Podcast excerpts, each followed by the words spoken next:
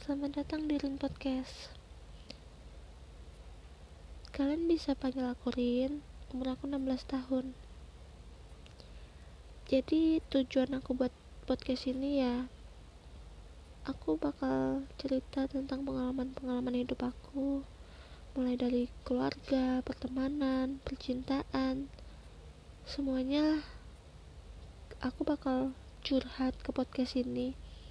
Karena ya memang di dunia nyata aku curhat pun kayaknya gak ada yang peduli.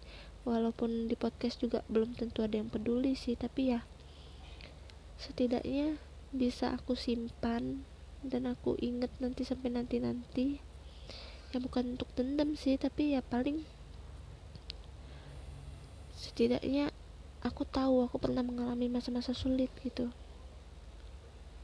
Selain cerita tentang pengalaman hidup aku aku juga bakal ngasih tahu pendapat-pendapat aku kayak bakal buat segmen itu tentang opini-opini aku. Pokoknya semua pendapat yang aku nggak bisa keluarkan di dunia nyata itu aku bakal mencurahkannya di podcast ini.